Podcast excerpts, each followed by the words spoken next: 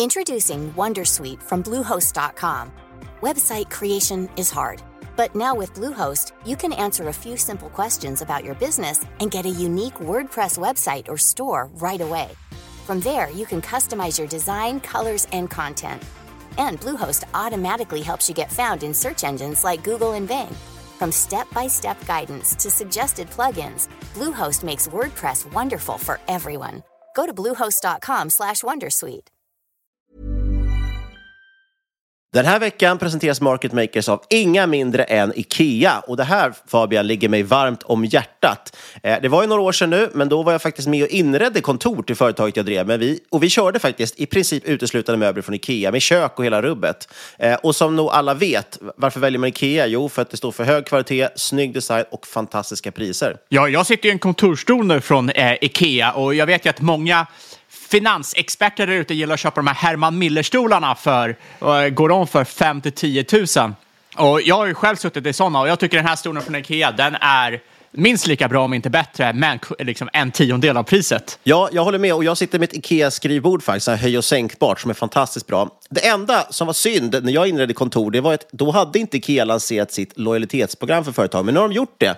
Det heter Ikea Business Network och är man med där så får man helt enkelt massvis av extra erbjudanden och förmåner. Till exempel alla inköp samlade digitalt, en timmes kostnadsfri rådgivare med företagsinredare och tillgång till alla Ikea Family-priser. Ja, och för dig som byggde kök så hade det ju faktiskt blivit ännu billigare idag. För om du går med i Ikea Business Network får du ta del av erbjudanden som ger dig 25% på köksstommar vid köp av ett komplett kök.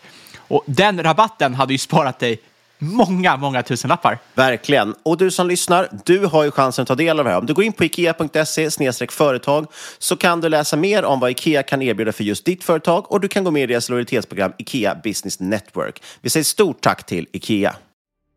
Vill du kunna handla dygnet runt med flexibel hävstång? Med IGs turbovaranter Turbo 24 kan du handla de mest populära indexen, råvarorna och valutorna på en interaktiv och funktionsfylld plattform. Öppna ett konto idag på IG.com eller ladda ner IG-appen. Men kom ihåg att all handel med finansiella instrument är förenat med risk. Nu kör vi igång avsnittet.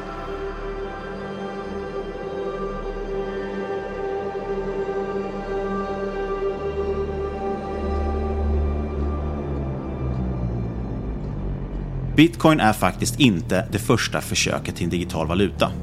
Cypherpunk-scenen har varit igång sedan internets begynnelse. Det är digitala libertarianer som vill ha ett säkrare och ett mer anonymt monetärt transaktionssystem för en friare värld.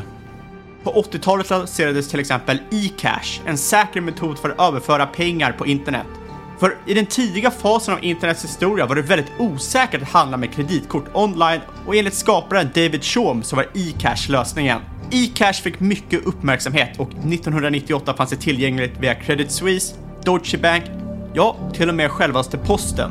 Inte bara det, utan självaste Bill Gates ville faktiskt köpa upp e-cash. Det ryktades om en summa på 100 miljoner dollar. Och det här skulle då integreras in i varje kopia av Windows 95. Trots de enorma framgångarna så gick faktiskt bolaget bakom e-cash i konkurs 1998. E-cash var helt enkelt ett koncept som var lovande men aldrig nådde hela vägen fram. Men trots att e-cash gick under så markerade det startskottet för intresset att utveckla en ny digital valuta. Under 90-talet exploderade marknaden med företag som försökte bygga en digital valuta. Och man såg massvis med teoretiska exempel från B-money till BitGold, som i teorin var väldigt bra, men som aldrig lyckades realiseras i verkligheten. Men allt det skulle förändras. Den 31 oktober 2008 släpper pseudonymen Satoshi Nakamoto rapporten Bitcoin, a peer-to-peer electronic cash system och allt förändrades i grunden.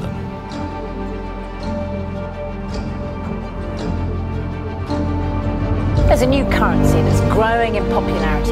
It's even being called the future of money. It's a completely virtual currency. It's traded on the internet. Have you ever heard of Bitcoin? It's a digital currency that's gaining popularity. It exists only online. Tell you the truth, I, I honestly don't get it. Why not use regular dollars? They're trying to reinvent the wheel and they've come up with a flat tire. We already have a perfect real form of money and it's called gold.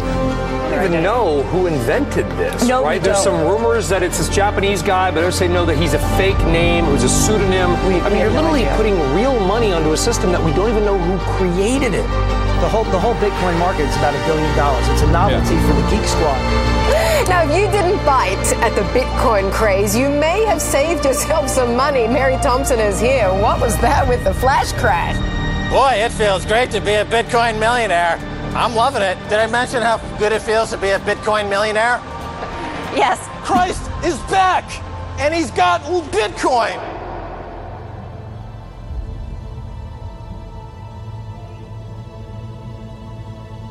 I'm amazed how many people own stocks. They, they would not be able to tell you why they own it. They couldn't say in a minute or less why they own it. Actually, if you really press them down, they'd say the reason I own this is the sucker's going up. There's enough cash in the financial system, and there's an infinite amount of cash at the Federal Reserve. An infinite amount Put of cash. Put that check in a money market mutual fund. Then we'll reinvest the earnings into foreign currency accounts with compounding interest, and it's gone. So they had to do something. All they had left was just to print money and start buying things. And that's what they did. Quick buck artists come and go with every bull market, but the steady players make it through the bear market. They say money can't buy happiness. Look at the fucking smile on my face. Hej och välkomna tillbaks till årets sommarserie som i år helt dedikerar till blockchain och kryptovalutor. Dagens avsnitt är del två av fyra i vår sommarserie om bitcoin och kryptovalutor. Ja, har du inte lyssnat på, på föregående avsnitt, ja då får du spola tillbaka en vecka och lyssna på det direkt. Där pratar vi väldigt mycket om internets historia och hur det liksom formade tankarna även bakom kryptovalutor. Vi pratar om tekniken bakom hur bitcoin faktiskt fungerar och idag ska vi titta lite mer på de mjuka värdena och ideologierna som driver bitcoin och varför man sätter ett så högt värde på den. Men innan vi hoppar in på det så har vi några rättningar att göra, eller hur? Ja, jag tänkte att vi kan ta tillfället i akt och rätta en grej vi råkade säga. Det var ju nämligen så att vi råkade säga att transaktioner är krypterade på bitcoin. Och så är det inte. Vem som helst kan ju se transaktionerna som har hänt. Precis, det där är ju faktiskt, jag, jag tänkte faktiskt på det när vi spelade in det, för det där är ju en liten grej med bitcoin, att man pratar ju ofta om att bitcoin är så himla anonymt och icke spårbart så, men egentligen är det precis tvärtom. Dock är ju adresserna bakom är ju väldigt anonyma, men varje transaktion går ju att spåra väldigt, väldigt noggrant. Ja, det är snarare vissa, viss data som är haschat i blockkedjan. Och det är viktigt att hålla koll på. Eh, men Ja, det är lätt hänt. Det, det är ett tekniskt ämne som man försöker förstå och eh, förenkla. Eh, man ger det ett tappert försök, men ibland blir det inte 100% korrekt. Med det sagt så rör vi oss bort från det tekniska idag och något som vi kanske är lite bättre på.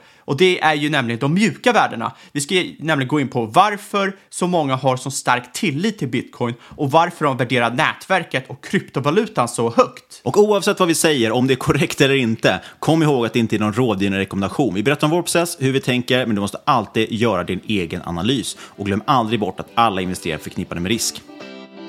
Med det i vägen, hoppa upp i gungstolen och smäll upp en låda vin. Nu drar vi igång årets sommarspecial.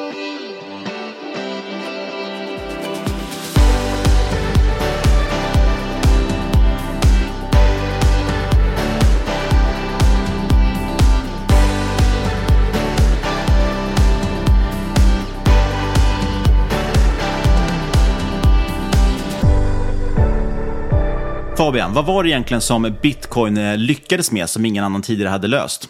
Ja, det stora problemet som bitcoin lyckades lösa, som ingen annan tidigare digital valuta lyckats med, var problemet med double spending. Och det är egentligen det här som är det stora med bitcoin och när bitcoin kom in i bilden. För med en digital valuta kan man teoretiskt manipulera den här huvudboken, Legends som det heter på engelska, så man kan skicka och spendera samma mängd pengar flera gånger genom att till exempel skicka till flera mottagare samtidigt eller ta tillbaka en överföring innan det verifieras och så vidare. Och det här är ett problem som fysiska pengar inte har. Om du går in i en butik, köper något, så räcker du över pengarna till kassörskan och du har inget kvar i handen.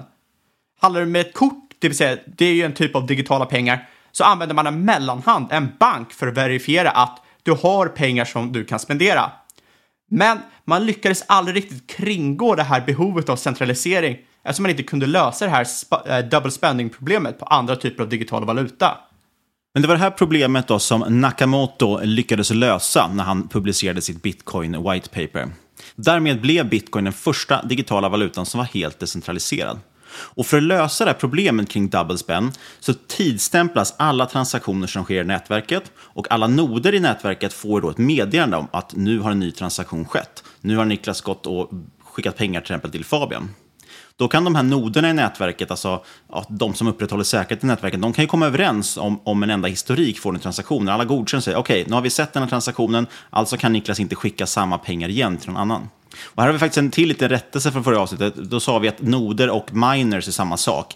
Det är en liten förenkling för att det, det, det i praktiken blir inte någon större skillnad, men eh, rent tekniskt är det inte helt korrekt. Du kan verifiera transaktioner utan att hitta nya block, alltså det behöver inte vara miner för att vara nod. Men vi struntar i det. Noderna är i alla fall de som är med och verifierar och håller upp säkerheten egentligen i Bitcoins nätverk genom att godkänna och verifiera alla transaktioner som sker. När en majoritet av de här noderna i alla fall kommer överens om vilka transaktioner som ska verifieras, alltså vilken historik är det som gäller, då blir ju liksom försök till sådana här double spend, alltså dubbla transaktioner, omöjliga. Eftersom ja, den andra transaktionen kommer ju inte godkännas för att du redan gjort den första transaktionen, så att säga. Egentligen inte så konstigt, man går egentligen in tillsammans och röstar vilka transaktioner kan man säga som ska gå igenom och så är det en majoritet som beslutar om det. Ja, och det här kanske låter väldigt självklart, men det var faktiskt väldigt svårt att komma fram till det här rent tekniskt. Men det är det här som är stora grejen med bitcoin. Du kan alltså verifiera de här transaktionerna utan en central part, utan att faktiskt lita på de andra i nätverket. För hela den här verifikationsprocessen och eh, hur man minar bitcoin, det gör att det blir extremt svårt att lura bitcoin-nätverket att du har pengar du inte har. Det blir faktiskt rent ut sagt matematiskt omöjligt. Precis, och det här är ju det tekniska genombrottet egentligen som Satoshi Nakamoto kom med. Där han visade hur kan vi bygga ett system där inga av parterna i systemet behöver lita på varandra. För det är egentligen den stora skillnaden från en, exempel en centralbank som hanterar valutan. Där går ju allting ut på att vi litar på centralbanken. Och därmed ser vi ju att när vi inte litar på centralbanken, när vi till exempel har ett land som Venezuela där inflationen är skyhög, ja då kommer folk också sälja av den valutan, för de tror inte på den staten och den centralbanken. Det saknas tillit.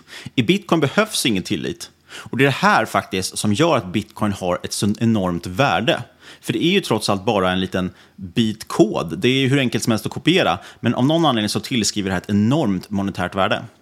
Och Det är rätt märkligt egentligen. Varför skulle några sådana här miners kämpa och, och offra sin datorkraft för att få tag i en helt digital valuta som någon anonym person på nätet hittar på? För den här Satoshi Nakamoto som vi pratar om, ingen vet ju vem det är. Det är en pseudonym för antingen en person eller en grupp. Och varför har vissa varit villiga att betala belopp upp mot 60 000 dollar för det? Ja, eh, från början så var ju bitcoin, det var inte värt någonting alls. Den första bitcoin minades i början på 2009 av Satoshi Nakamoto. Och eh, nio dagar senare så skedde den första bitcoin-transaktionen mellan Nakamoto och en kryptoentusiast som hette Hal Finney. Och då skickade då Nakamoto 10 bitcoin till Finney. Och på det här stadiet, det var ju bara ett projekt för kryptoentusiaster.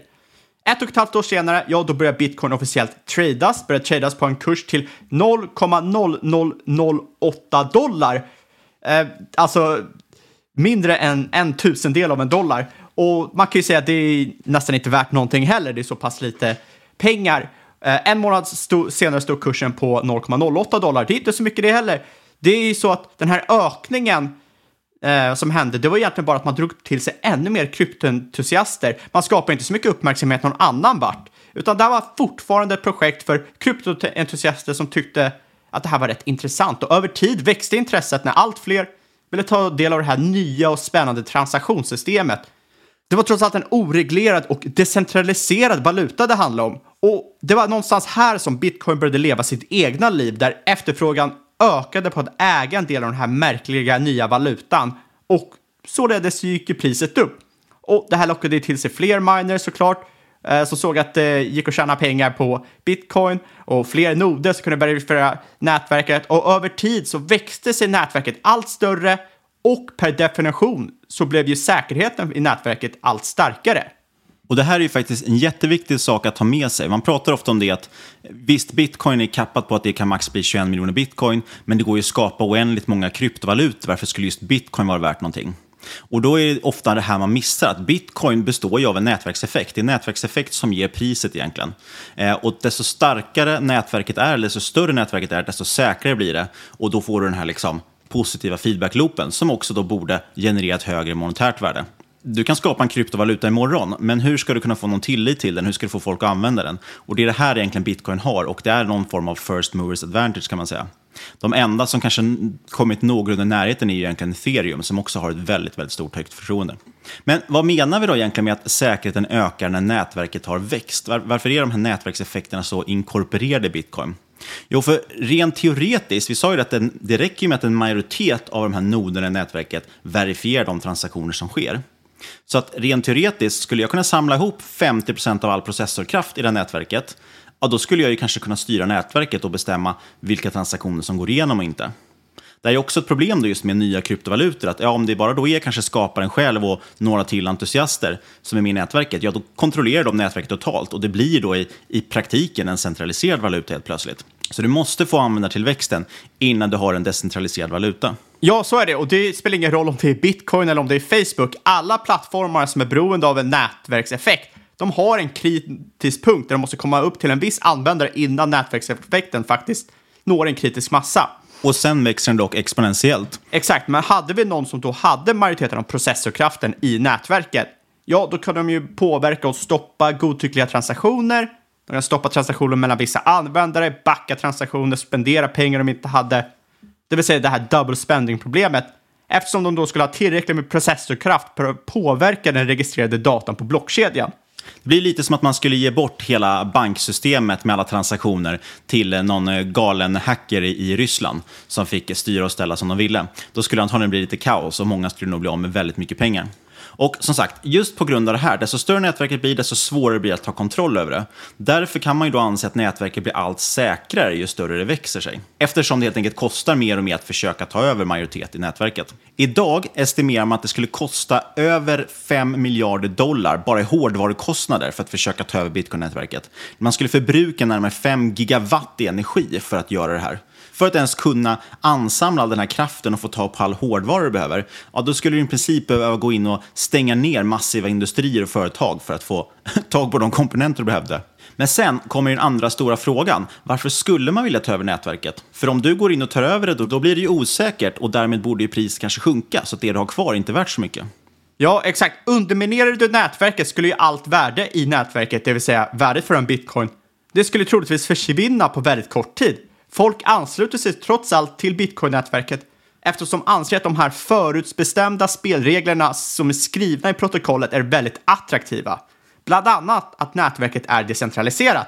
Nej, och just det här med trögrörligheten, det vill säga att det är svårt att förändra bitcoin i grunden. Det är ju precis som du säger, det är det som är så attraktivt. Precis som att vi inte kan förändra guld eller framställa syntetiskt guld. Det är ju det som ger guldet värde, eh, eller ett konstverk som är unikt, eh, sitt värde.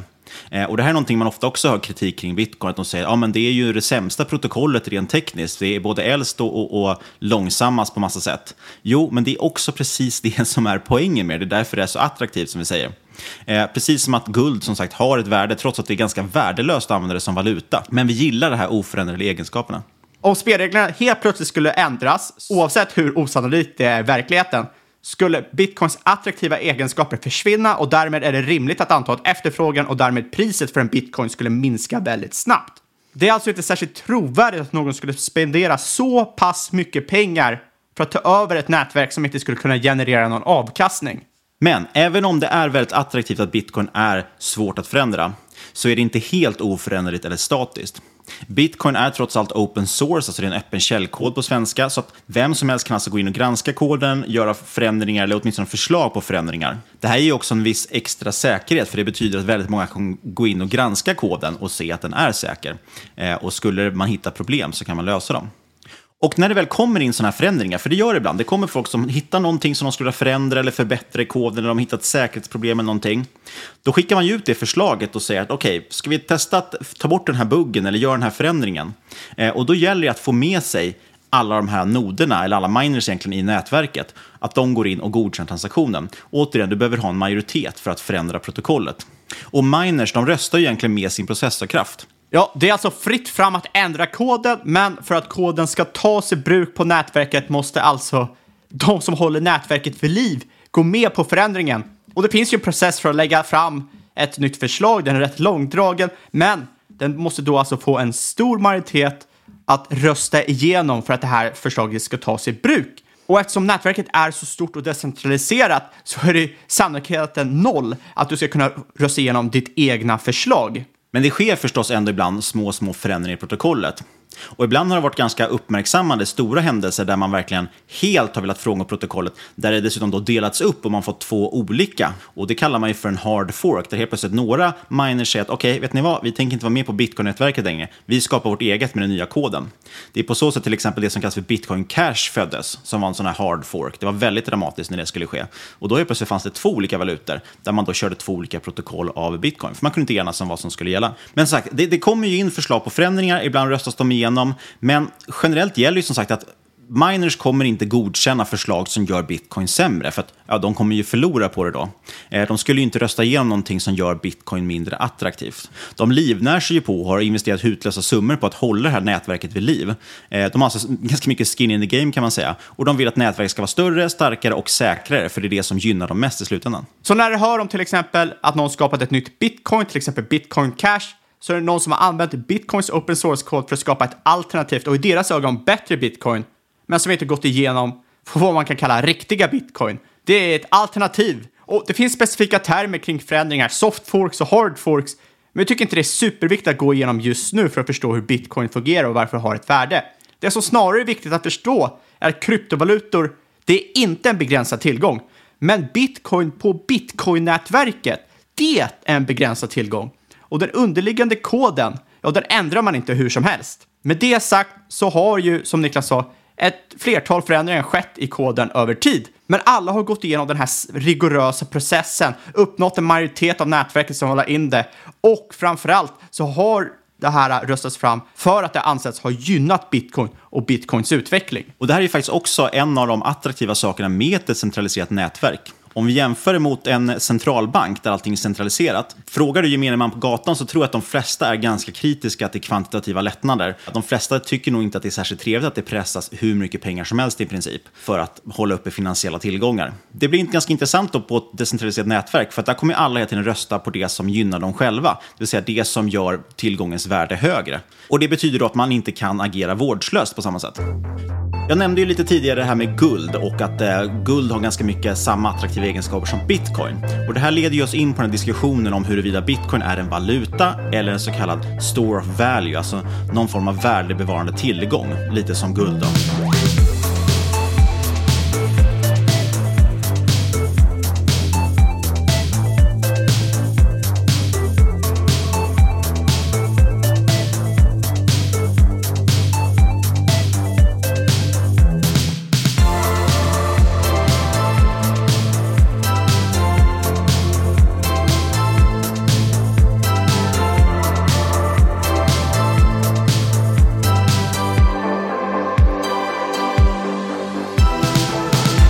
26 april 2011 så skickade Satoshi Nakamoto sitt sista e-mail till andra bitcoin-utvecklare där han förklarade att han skulle fokusera på andra projekt. Och sedan dess har man inte hört av Nakamoto.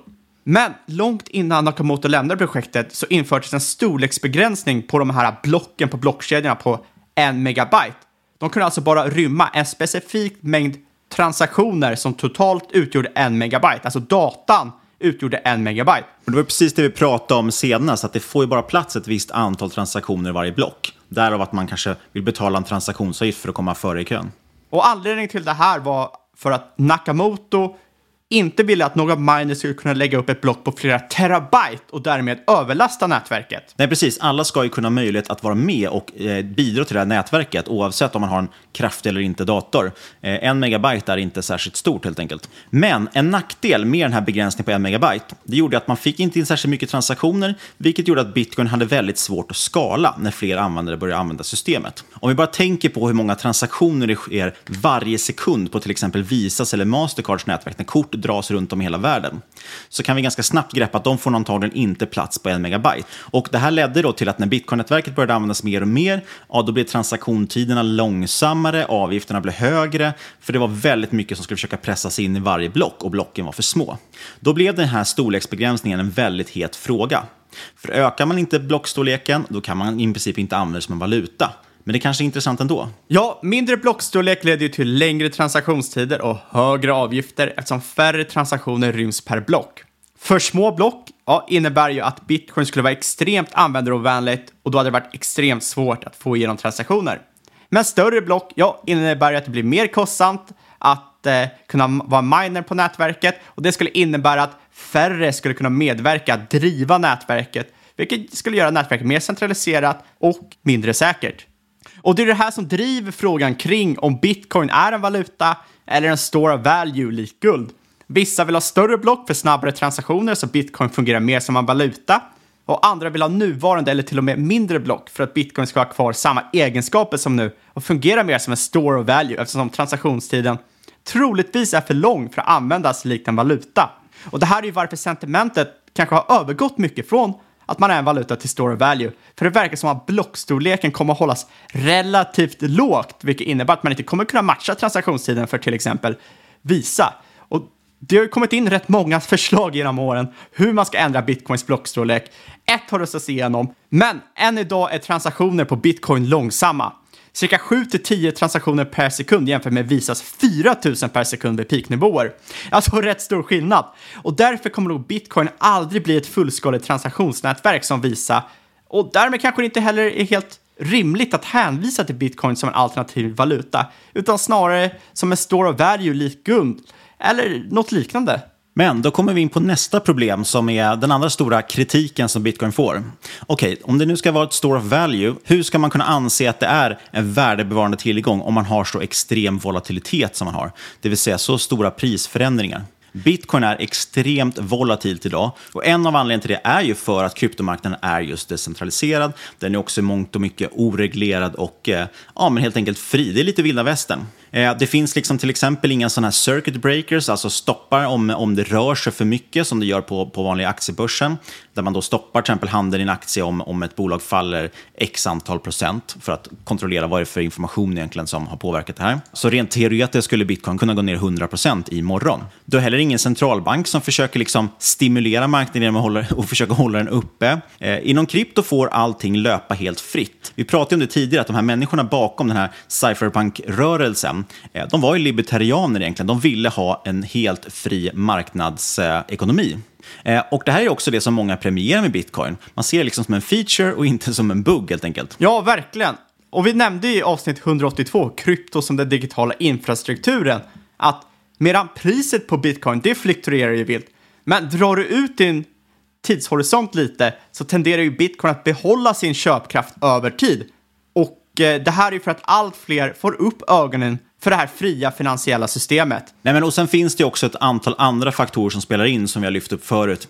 Till exempel så är bitcoin fortfarande en väldigt ung tillgång. Vi har inte enats om vad en bitcoin ska vara värd och just nu ökar fortfarande efterfrågan så enormt starkt och väldigt snabbt, eh, exponentiellt eftersom det är en nätverkseffekt i det. Om kanske 10, 15, 20 år så är vi, kanske vi har ett bättre, en bättre bild av vad en bitcoin borde vara värd och då kanske det mer kommer ha samma volatilitet som guld.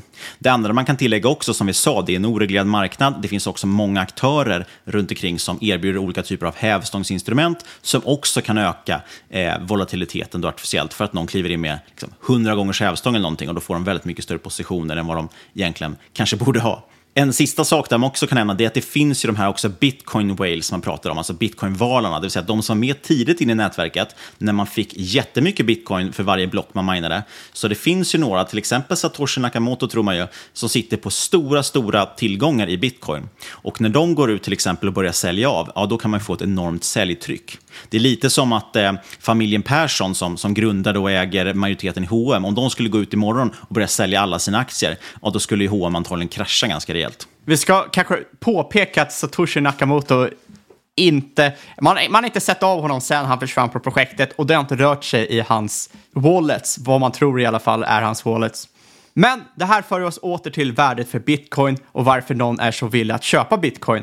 Och som vi var inne på, de här spelreglerna, de är förbestämda och du kan vara väldigt säker, mer säker än någon annan tillgång, att spelreglerna kommer förbli som du antagit. Du kommer till exempel inte se situationer som under 2020 då några grabbar på Fed bestämde sig mitt i en finansiell kris att godtyckligt trycka eh, cirka 40 procent av alla dollar som trycks i världshistorien. Eh, och det här tycker många är väldigt attraktivt. Du kommer heller inte få en nyemission som du kommer få en aktie. Du vet exakt att den här mängden bitcoin kommer ges ut fram till 2140 och sen slutar det.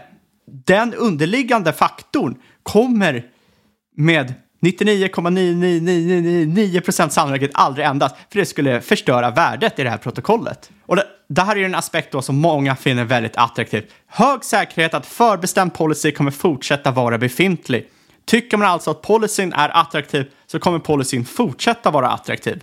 Man kan dra en liten parallell till börsen här. Att eh, man brukar ju prata om att det marknaden gillar allra minst är ju osäkerhet. Så fort vi har osäkerhet antingen kring eh, Brexit eller något val eller så, ja då brukar marknaden vara ganska skakig. För man vill veta vad som ska hända. Så fort det är osäkert så blir man nervös och marknaden brukar bli skakig. Och det är det som kanske är intressant i bitcoin. Att man helt enkelt vet exakt vad som kommer hända, åtminstone med protokollet. Sen finns det en massa andra saker som är attraktiva med bitcoin. Till exempel så är det att alla faktiskt har tillgång till bitcoin. Det är ju inte bara decentraliserat, det är också ett helt fritt system som vem som helst kan använda. Och I vissa länder, ja då är det klart det kommer kanske vara lite svårare att nå bitcoin på grund av restriktioner av staten. Men det kanske också oftast är de länderna som den högsta viljan att använda bitcoin finns och eh, där det faktiskt också handlas väldigt mycket med bitcoin av rent praktiska skäl. För att man på olika sätt behöver få ut pengar ur landet eller försöka bevara sitt värde när man har hyperinflation till exempel. Det finns i alla fall ingen central enhet någonstans som bestämmer om jag får vara med på plattformen eller inte, eller om du får vara med på plattformen eller inte. Så det betyder att eh, hur mycket en regeringen försöker stänga ner det och, och lägger beskattning och så vidare på det, så går det fortfarande att använda. Precis som att man har försökt förbjuda fildelning under många, många år, men det har fortsatt finnas kvar och finns fortfarande kvar. Det går liksom inte att stoppa utan att det inför någon form av eh, nordkoreansk eh, diktat diktatur. Det sker heller inga blockeringar av transaktioner. Du får skicka pengar till vem du vill, vart du vill. Och det här kanske låter konstigt i ett land som Sverige där du kan skicka pengar till dina kompisar via Swish eller fritt över gränsen med banköverföring. Men i många länder är inte det här möjligt. I många länder, till exempel Kina, är det snarare tvärtom.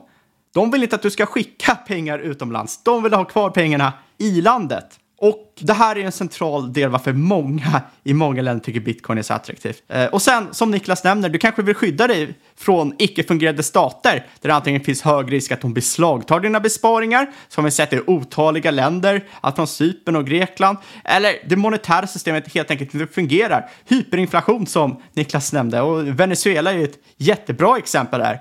Och då kan man ju ställa sig frågan varför öppnar de inte bara ett utländskt bankkonto för att förvara sina besparingar i en säker ekonomi? För en majoritet av världens befolkning är det här en omöjlighet. Du har pengar på din inhemska bank eller i värsta fall cash, vilket öppnar upp sina egna problem. Och då riskerar du att falla offer för politisk instabilitet och monetärt fiasko. Och nu lyfter vi de positiva aspekterna med det här att vem som helst kan använda nätverket och skicka pengar till vem som helst utan att någon kan stoppa det. Det är ju också en negativ del med det här kan man säga, eller det är det som det får mycket kritik för. För det har ju såklart och säkert haft eh, en roll i till exempel ja, knarkhandel är väldigt vanligt, där man vill skicka pengar till folk, eh, eller tvätt av pengar på olika sätt. Så det har säkert skett, eller det har skett massvis med illegala transaktioner om man ska kalla det för. Men det sker faktiskt fler illegala transaktioner med kontanter runt om i världen. För det är ju en helt ospårbar valuta, till skillnad faktiskt från bitcoin där man ändå ser varenda transaktion. Men med bitcoin i alla fall så vet du att ingen central enhet kommer kunna ta dina pengar. Nätverket kommer finnas kvar oavsett vad som händer i ditt land och med din stat, om det blir någon form av eh, militärkupp mot staten. Så den här säkerheten att ingen kan påverka din valuta eller dina pengar, det är bra mycket mer än vad man kan säga om många ekonomier i världen. Många anser alltså att bitcoin har ett värde eftersom de tycker att det är en bättre tillgång än något de kan få tag på i sina länder. Framförallt så ser ju de att det är ett system som gynnas av att alla aktörer är hederliga, snarare än i många länder där några få kan berika sig själva på andras bekostnad. Och bitcoin är inte nödvändigtvis perfekt, ganska långt ifrån det till och med. Men för väldigt många människor runt om i jorden så är det bra mycket bättre än de andra alternativen de har. Så intresset för bitcoin är ett resultat av monetär och politisk instabilitet. Och det är därför man också sett en sån extremt ökad efterfrågan senaste åren, vilket självklart har fart på priset. Det är många, även i trygga, stabila ekonomier som, som här i väst, som har börjat få upp intresset för bitcoin just för att vi har centralbanker som pressar så mycket pengar.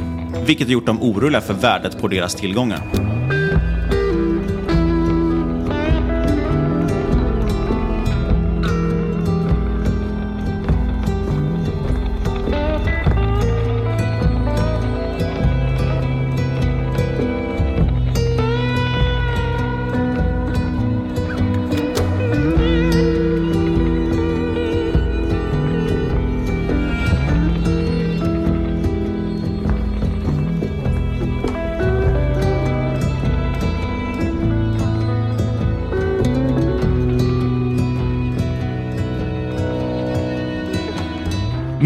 Med det höjda priset så kommer man också ställa sig frågan, är bitcoin en bubbla? Ja, kortsiktigt kanske det kan vara det, vem vet? Men långsiktigt så tror i alla fall inte vi det. Bitcoin har haft fler, flera stora cykler där man har sett uppgångar på hundra och tusentals procent följt av stora nedgångar. Men det som är centralt är att varje cykel har startat från en mycket högre prisnivå än den tidigare cykeln. Och det här är inte karaktäristik som man vanligtvis ser i många andra bubblor, till exempel tulpanmanin som många gillar att jämföra bitcoin med, utan det kanske är mer likt någonting som kan jämföras med anammandet av ny teknik eller framförallt tillväxt för teknikbolag.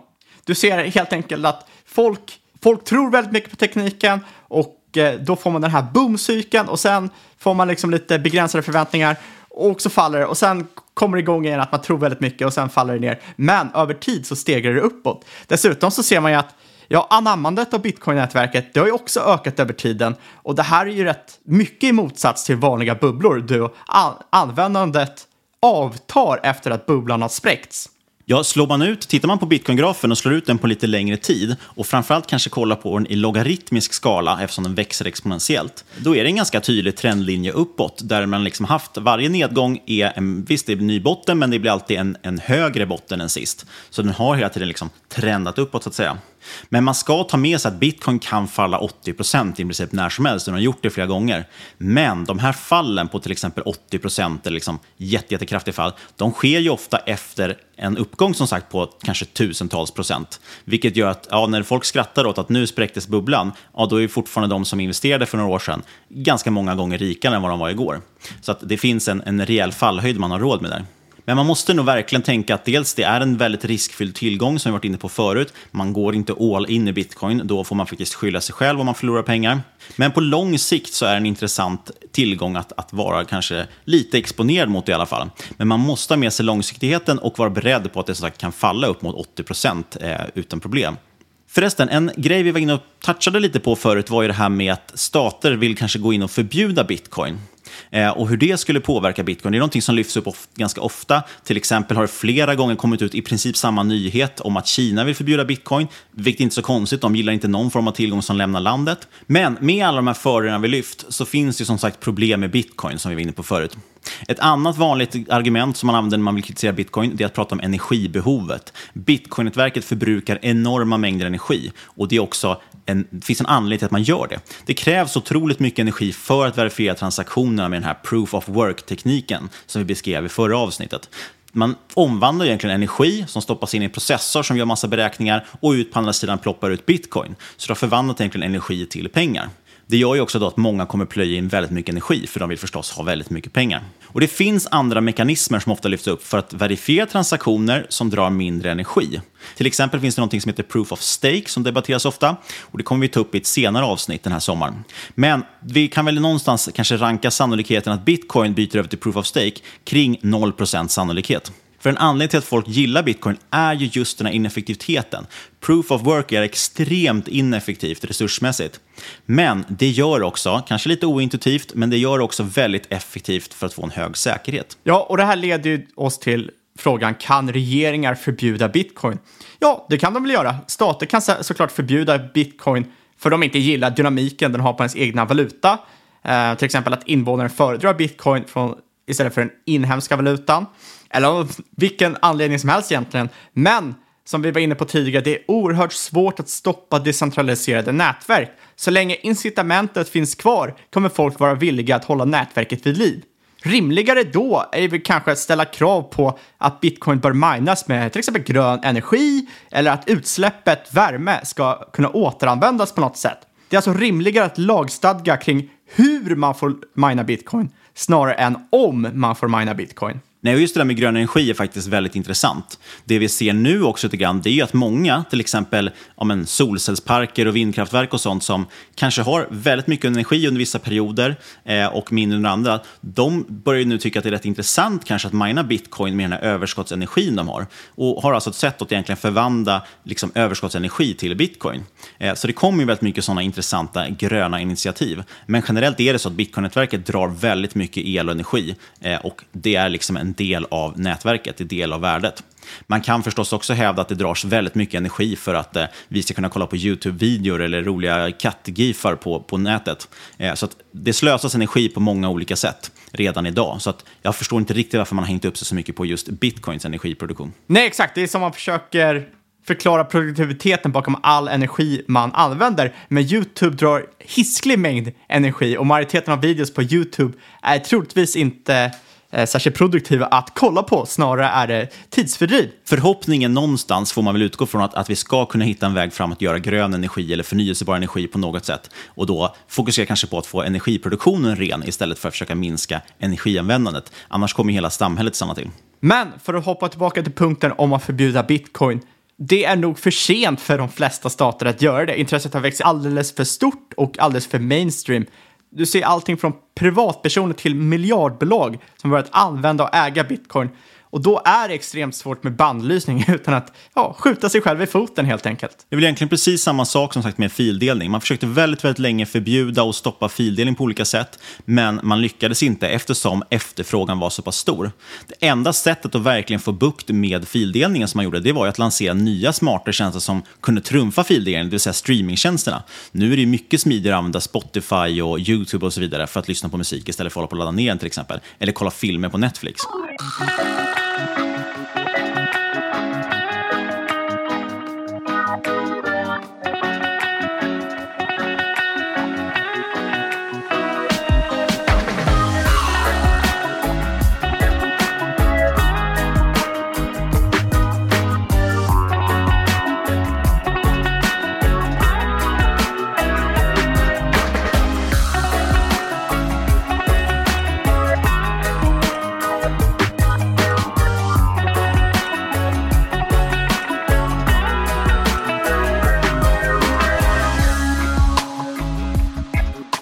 Runda av det här då kring bitcoin som vi pratat om nu i två avsnitt. Blockkedjan som bitcoin bygger på, det är egentligen bara en typ av databas som bokför alla transaktioner som sker på nätverket. Vem har skickat pengar till vem? Så att vi vet och säkerställt det.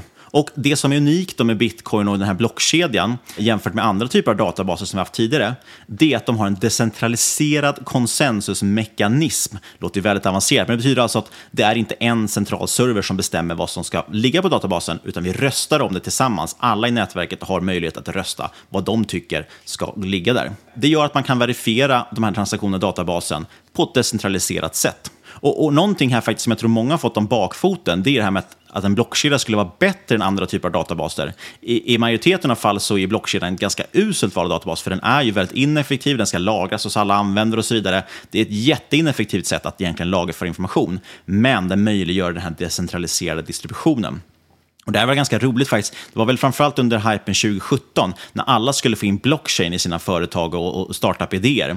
Eh, och då var det väldigt ofta man bara pratade om att eh, det här kommer vi lägga på en block, blockkedja till exempel. Och majoriteten fanns var bara, men varför ska ni inte bara använda en databas? Det hade gjort extremt mycket mer effektivt och smart. Eh, så många använder den här typen av ord för att försöka hänga med på någon typ av hype.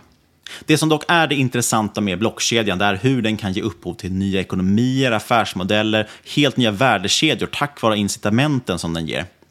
Och den här tekniken är fortfarande ung, användningsområdena är inte helt självklara. Som sagt, bitcoin lanserades som en valuta, men idag har vi helt förändrat synen på det och ser det istället som någon form av store of value.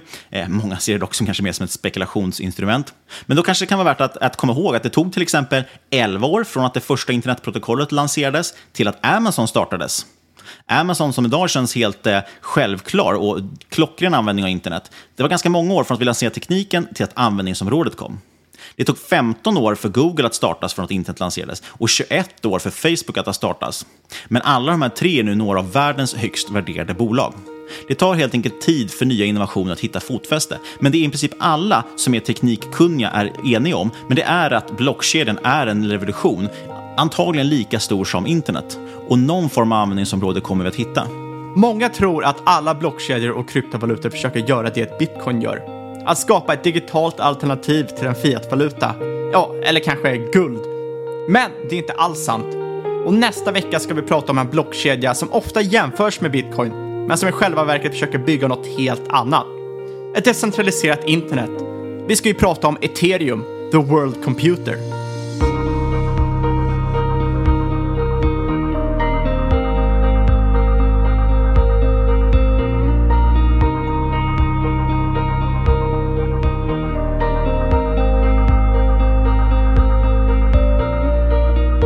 Ja, det var del två av fyra i vår sommarserie om kryptovalutor, blockkedjor och så vidare. Och jag ser verkligen fram emot nästa veckas avsnitt om ethereum som är så otroligt faktiskt intressant. Och här börjar vi se riktig innovation på blockkedjan. Men kom ihåg som vanligt att inget hört den här podcasten ska ses som rådgivning. Alla åsikter, våra egna eller vår gäst och eventuella sponsorer tar inget ansvar för det som sägs i podden. Tänk på att alla investeringar är förknippade med risk och sker under eget ansvar. Vi vill också rikta ett stort tack till IG.com. Gå in på IG.com och starta ett konto för att kunna använda deras häftiga Turbo 24. Ni får jättegärna också kontakta oss på podcast.marketmakers.se. Vi har varit jätteglada till exempel när det kom in lite korrektioner på de här tekniska felen som råkade smygas in i förra veckans avsnitt. Man kan också kontakta oss på Twitter, at marketmakerspod heter vi där. Och eh, såklart så vill vi alltid uppmana till att lämna en recension på iTunes. Sist men absolut inte minst, tack för att du har lyssnat kära lyssnare. Vi hörs igen om en vecka.